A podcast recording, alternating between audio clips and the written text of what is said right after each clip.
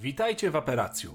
Dzisiaj poznamy lepiej magicznych towarzyszy z zaświatów, czyli czym są duchy w świecie Harry'ego Pottera. Zapraszam. Duch to odcisk duszy niegdyś żyjącego czarodzieja lub wiedźmy.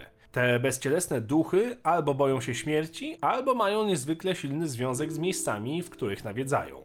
Duchy nie są w stanie wywierać żadnego wpływu fizycznego na otaczający ich świat. Są widoczne i pojawiają się jako szaro-srebrne zjawy ich dawnego ja. Przechodzą przez ciała stałe, nie uszkadzając siebie ani materiału, ale powodują zakłócenia w wodzie, ogniu i powietrzu. Temperatura spada w bezpośrednim sąsiedztwie ducha, a ich obecność może również zmienić kolor płomienia na niebieski. Wiele duchów zamieszkuje w zamku Hogwart, a każdy dom ma tak zwanego ducha patrona. Każdy z tych duchów należał kiedyś do domu, któremu patronuje.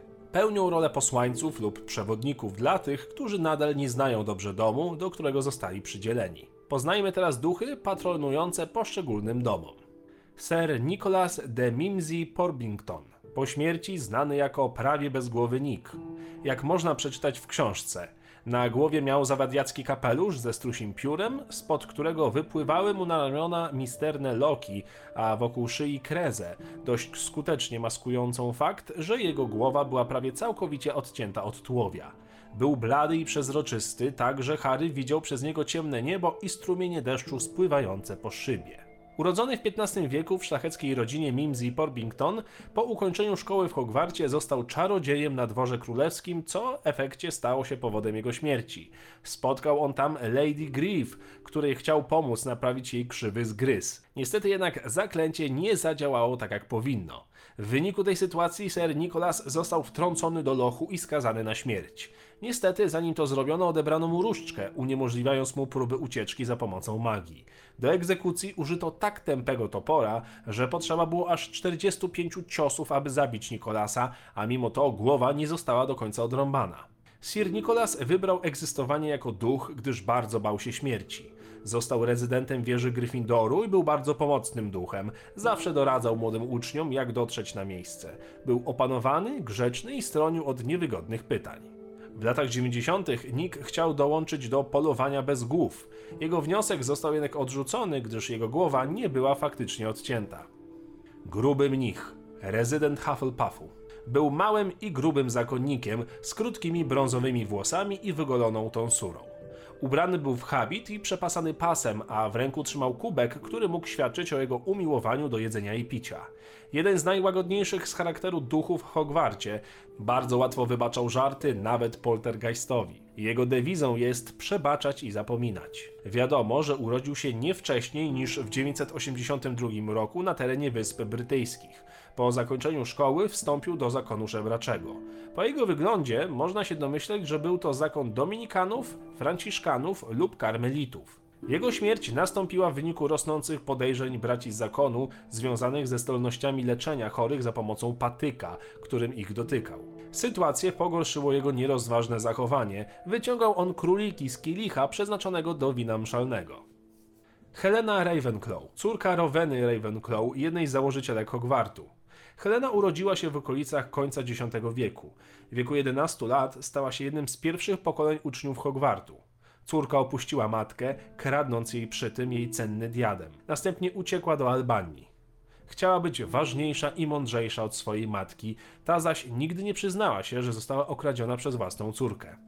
Matka Heleny w pewnym momencie zapadła na poważną chorobę. Mimo czynu córki chciała ją ostatni raz zobaczyć. Wysłała krwawego barona, aby ją odnalazł, wiedząc, że darzy on Helenę miłością i nie odpuści, póki jej nie znajdzie. Helena odmówiła mu powrotu do domu, a ten w szale dźgnął ją nożem. Helena powróciła w końcu do Hogwartu jako duch wieży Ravenclaw i zyskała przydomek Szarej Damy. Była duchem niesamowicie skrytym i cichym. Mało kto znał jej historię. Jej skrycie przełamał jednak Tom Riddle, który zdołał wyciągnąć od niej informacje na temat lokalizacji diademu. Krwawy Baron, jak reszta duchów domu, uczęszczał do Hogwartu i patronował Slytherinowi. Był w podobnym wieku do Heleny, ta zaś opisywała go jako mężczyznę o gorącej krwi. Zginął od poczucia winy spowodowanego zamordowaniem córki Roweny Ravenclaw, w której był zakochany. Nie mogąc pogodzić się ze swoim czynem, popełnił samobójstwo tym samym sztyletem, którym zabił Helenę. Jako duch cechował się groźnym wyglądem, niektóre duchy wręcz bały się go. Nosił ciężkie łańcuchy na znak pokuty swoich dokonań. Krwawy baron został opisany jako wychudły, lekko przezroczysty i perłowo-biały duch z wielkimi czarnymi oczami. Ubrania, które nosił, były poplamione krwią Heleny Ravenclaw. Na głowie miał perukę, a przy boku swój miecz. Baron mówił ochrypłym szeptem. Poznajmy teraz jeszcze inne ciekawe postacie duchów rezydujących w szkole magii. Cadbert Beans. Jedyny duch wśród grona pedagogicznego. Nieżyjący czarodziej nauczyciel historii magii. Rok urodzenia Beansa datuje się na pierwszą połowę XIX wieku, umarł on zaś przed 1950 rokiem ze starości, siedząc w swoim fotelu. Następnego dnia, nie mając świadomości, że nie żyje, poszedł prowadzić zajęcia. Wiadomo, że jego zajęcia były wyjątkowo nużące. Pedagog mówił bardzo monotonnym głosem, który uczniowie porównywali do brzęczenia starego odkurzacza. Jedyną uczennicą, która robiła notatki na jego wykładach, była Hermiona. Irytek, poltergeist. Rodzaj ducha, który skupia się głównie na utrudnianiu życia innym, robieniu psikusów takich jak zalewanie łazienki wodą czy oblewanie uczniów atramentem. Był największą zmorą Argusa Filcza. W 1876 roku próbowano się pozbyć Irytka zamku. Rancorus Kerb, ówczesny woźny, utworzył pułapkę składającą się z zaczarowanego szklanego klosza wzmocnionego zaklęciami, a przynętami miały być różne rodzaje broni. Niestety Irytek z łatwością rozbił klosz oraz opuścił pułapkę uzbrojony w kuszę, garłacz i miniaturową armatę. Zamek musiał być ewakuowany na trzy dni, ponieważ Irytek strzelał z broni z okien, grożąc innym śmiercią. Irytek, w przeciwieństwie do innych duchów, posiadał fizyczną formę, nie był przezroczysty i mógł oddziaływać na przedmioty. Działały na niego przynajmniej niektóre zaklęcia. Kiedy chciał, mógł stawać się niewidzialny. Unosił się w powietrzu, często ze skrzyżowanymi nogami. Poltergeist wyglądem przypominał małego człowieczka z płaską i szeroką twarzą, złośliwymi czarnymi oczkami i szerokimi ustami. Ubierał się w jaskrawe kolory. Na głowie nosił pomarańczowy kapelusz z dzwoneczkami, a na szyi miał muszkę. Śpiewał o sobie, jak gdzieś jest raban, to o każdej porze, wezwij Rytka, będzie jeszcze gorzej. Jak wiadomo, bliźniacy Weasley kilka razy namówili Irytka, aby pomógł im w robieniu dowcipów, jednak nie okazywali sobie nawzajem szacunku. W 1996 roku Poltergeist zasalutował im jednak, gdy uciekali z Hogwartu. Jedyną postacią, jakiej bał się Irytek, był krwawy baron, nie wiadomo jednak dlaczego. Można się jednak domyślać, że groźny wygląd oraz charakter barona wywierał na nim szacunek.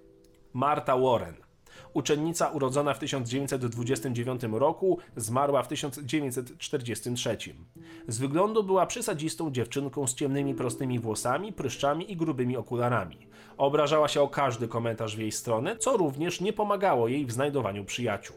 Bardzo często się denerwowała i miała wiele prób samobójczych, które nie udawały się ze względu na fakt, że już nie żyła. Straciła życie przez bazyliszka, uwolnionego wówczas z komnaty tajemnic.